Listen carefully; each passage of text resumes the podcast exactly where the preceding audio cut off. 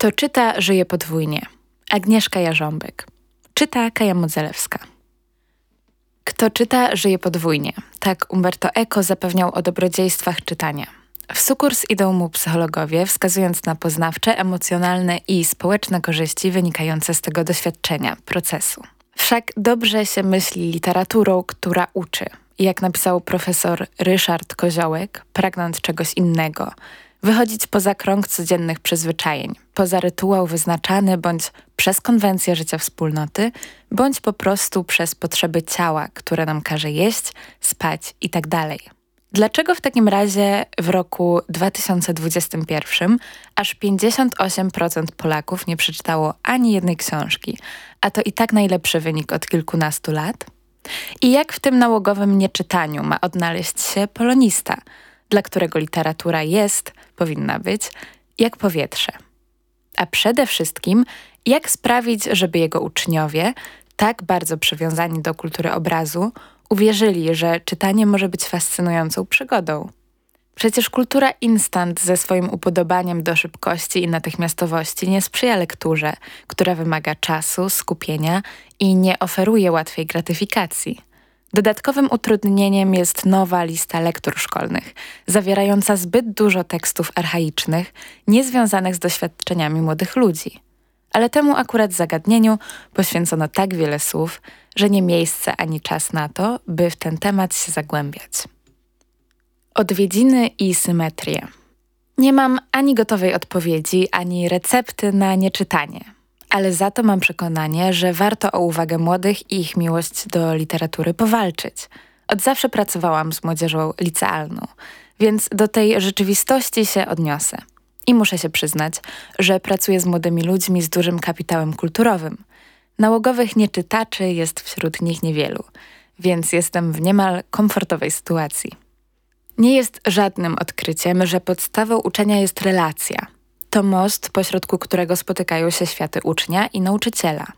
O te relacje nie jest łatwo, zwłaszcza gdy uczestników interakcji dzieli nie tylko rola społeczna, ale i wiek, tak jak jest w moim przypadku. Ale bez niej lekcja jest udręką dla obu stron. Początkiem tejże relacji są odwiedziny i rewizyta. Warto na początku pierwszej klasy poprosić uczniów, aby opowiedzieli o swoich ulubionych tekstach kultury, przynieśli stylizowane zdjęcie z książką z wykorzystaniem charakterystycznego dla niej motywu lub scenerii. Takie proste działanie daje nauczycielowi wyobrażenie, z kim będzie się spotykał na lekcjach literatury przez najbliższe 4 lata. Pozwala mu także doskonalić swoje kompetencje kulturowe, po prostu być na bieżąco z tym, co interesujące i istotne dla młodych. A potem warto ich zaprosić do swojego świata, biblioteki, aby pokazać swoje fascynacje. Takie wizyty nabrały nowego wymiaru, gdy w miesiącach uczenia online prowadziłam lekcje z domowej biblioteki. Wydaje mi się ważne, aby widzieli, że polonista lubi czytać, że literatura ma dla niego znaczenie nie tylko zawodowe. Warto na bieżąco dzielić się swoimi odkryciami, tym co wartościowego ukazało się na rynku wydawniczym, pokazać, gdzie można szukać informacji. Polecam swoim uczniom między innymi Big Book Cafe, Krytycznym Okiem, Tak to czytam, czy rekomendacje Michała Nogasia i Dwutygodnik. Zresztą oferta podcastowa jest w tej chwili imponująca. Podaję nazwy grup na Facebooku, które skupiają miłośników literatury, choćby 52 książki, niestatystyczny.pl, wącham książki, nie ma to jak zapach farby drukarskiej, nałogowi czytelnicy to wiedzą. Wspólnota zawsze jest dodatkową motywacją i miejscem do wymiany poglądów. Przy różnych okazjach podglądamy też biblioteczki intelektualnych autorytetów. Tak, młodzież takie ma. Choćby wtedy, gdy przy okazji słuchania wykładu o Immanuelu Kancie, zresztą znakomitym, oglądaliśmy i wspólnie komentowaliśmy księgozbiór prowadzącego, rozpoznając tytuły po okładkach. I wtedy niekiedy rodzi się moda na czytanie. Nieco inaczej sprawa ma się z lekturami. Wszystko, co narzucone, zwykle budzi opór. Problem narasta, gdy barierą staje się język, staropolski lub stylizowany. Tematyka daleka od doświadczenia uczniowskiego i objętość. Świadomie nie podaje tytułów. Takich utworów, wyzwań dla uczniów jest całkiem sporo, ale to nie znaczy, że należy z nich rezygnować, za to warto je jakoś zareklamować. W tej kwestii niezawodne są memy, których zrozumienie wymaga znajomości kulturowego kontekstu lub piosenki nawiązujące do klasyki. Można, w zależności od upodobań uczniowskich, przed omawianiem wesela, posłuchać w klasie piosenek Marka Grechuty, utworu Kapitan Polska zespołu Lao Che, czy wspomnieć, że Wyspiański to pradziadek Sokoła. Zwykle działa. Dzięki Piotrowi Szwedowi, łódzkiemu nauczycielowi i dziennikarzowi dwutygodnik.com odkryłam dydaktyczny i właśnie reklamowy potencjał polskiego rapu. Oczywiście trzeba roztropnie dobierać teksty, omijając te porażające wulgarnością, ale naprawdę znakomicie się sprawdzają. Czy przy wspomnianym Wyspiańskim, Turoń, rapera Don Guralesco, czy przy okazji poezji barokowej, Vanitas zespołu Problem. Sposobności jest wiele. Jeszcze skuteczniejsza jest owa reklama, gdy po omówieniu lektury przygotowują ją sami uczniowie z myślą o następnych rocznikach. Łatwiej też nawiązać rozmowę o trudnych tekstach, jeśli odwołamy się do ich rzeczywistości i doświadczeń.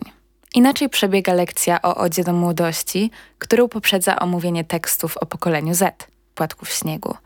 Inaczej przyglądają się Werterowi, gdy mają postawić solidną diagnozę z propozycją leczenia i mają za sobą lekcje o problemach współczesnej młodzieży.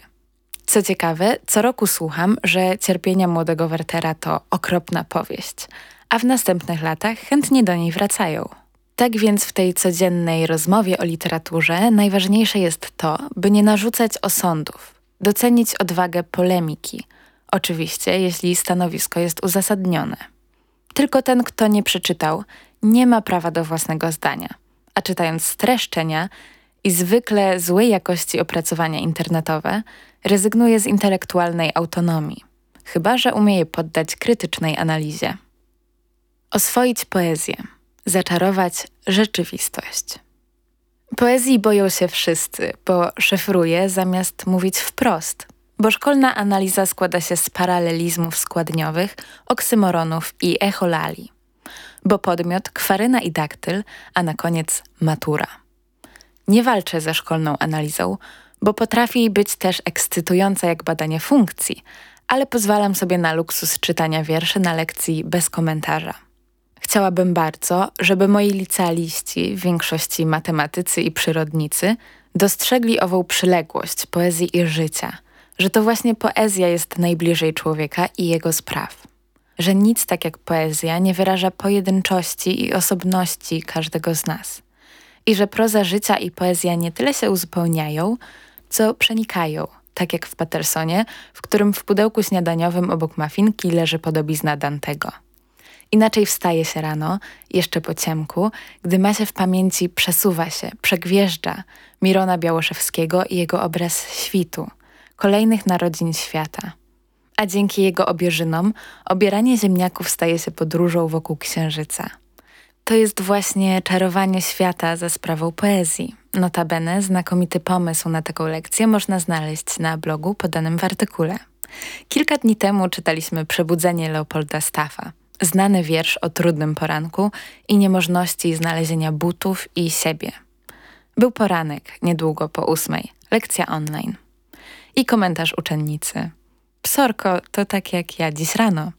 O takie interpretacje mi chodzi albo wtedy, gdy czytając koniec wieku XIX czy Albatrosa, uczniowie wykorzystują swoją wiedzę z nauk przyrodniczych, dywagując o zwyczajach albatrosów albo obliczając siły, jakie działają na mrówkę, która mierzy się z pociągiem w pędzie. W czasie takich lekcji mam poczucie solidnie zbudowanego mostu, o którym wspomniałam wcześniej, i że jestem na właściwym miejscu. Nie być jak starcy z ludzi bezdomnych. Taka obawa prześladuje mnie od jakiegoś czasu. W końcu za mną 30 lat pracy. I choć o tej powieści Żeromskiego dawno z uczniami nie rozmawiałam, mam w pamięci owych starców, którzy z zazdrości o młodość Judyma sabotowali wszystkie jego pomysły, także te sensowne.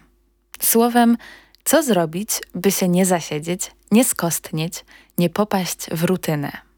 Mam kilka, jak dotąd skutecznych, sposobów. Po pierwsze, samemu być uczniem, szkolić się, studiować. Nieoceniona w tej kwestii jest choćby Szkoła Edukacji.pl. Po drugie, współpracować z innymi nauczycielami. nie tylko w szkole, ale i na forach społecznościowych. W miesiącach pandemii liczne grupy facebookowe dawały wsparcie nie tylko dydaktyczne, ale i psychologiczne. Nauczyciele bardziej biegli w nowoczesnych technologiach, dzielili się swoimi materiałami lub przeprowadzali nieodpłatnie szkolenia z Genuinely Canvy Wakely. To było prawdziwe polonistyczne, pospolite ruszenie. Użytkownikom Facebooka polecić mogę zwłaszcza grupy Budzący się poloniści, Matura 2023, Język polski dla nauczycieli. Polonistyczna grupa wsparcia dla nauczycieli szkół ponadpodstawowych. W plikach tych grup nauczyciele przedmiotu nadal mogą znaleźć bardzo dużo cennych materiałów. Bardzo wiele też zawdzięczam autorkom blogów. Nieprzeciętne lekcje, kreatywny polonista, zakręcony belfer, zapiski polonistki. Ich inspirujące pomysły to skuteczne antidotum na wypalenie zawodowe.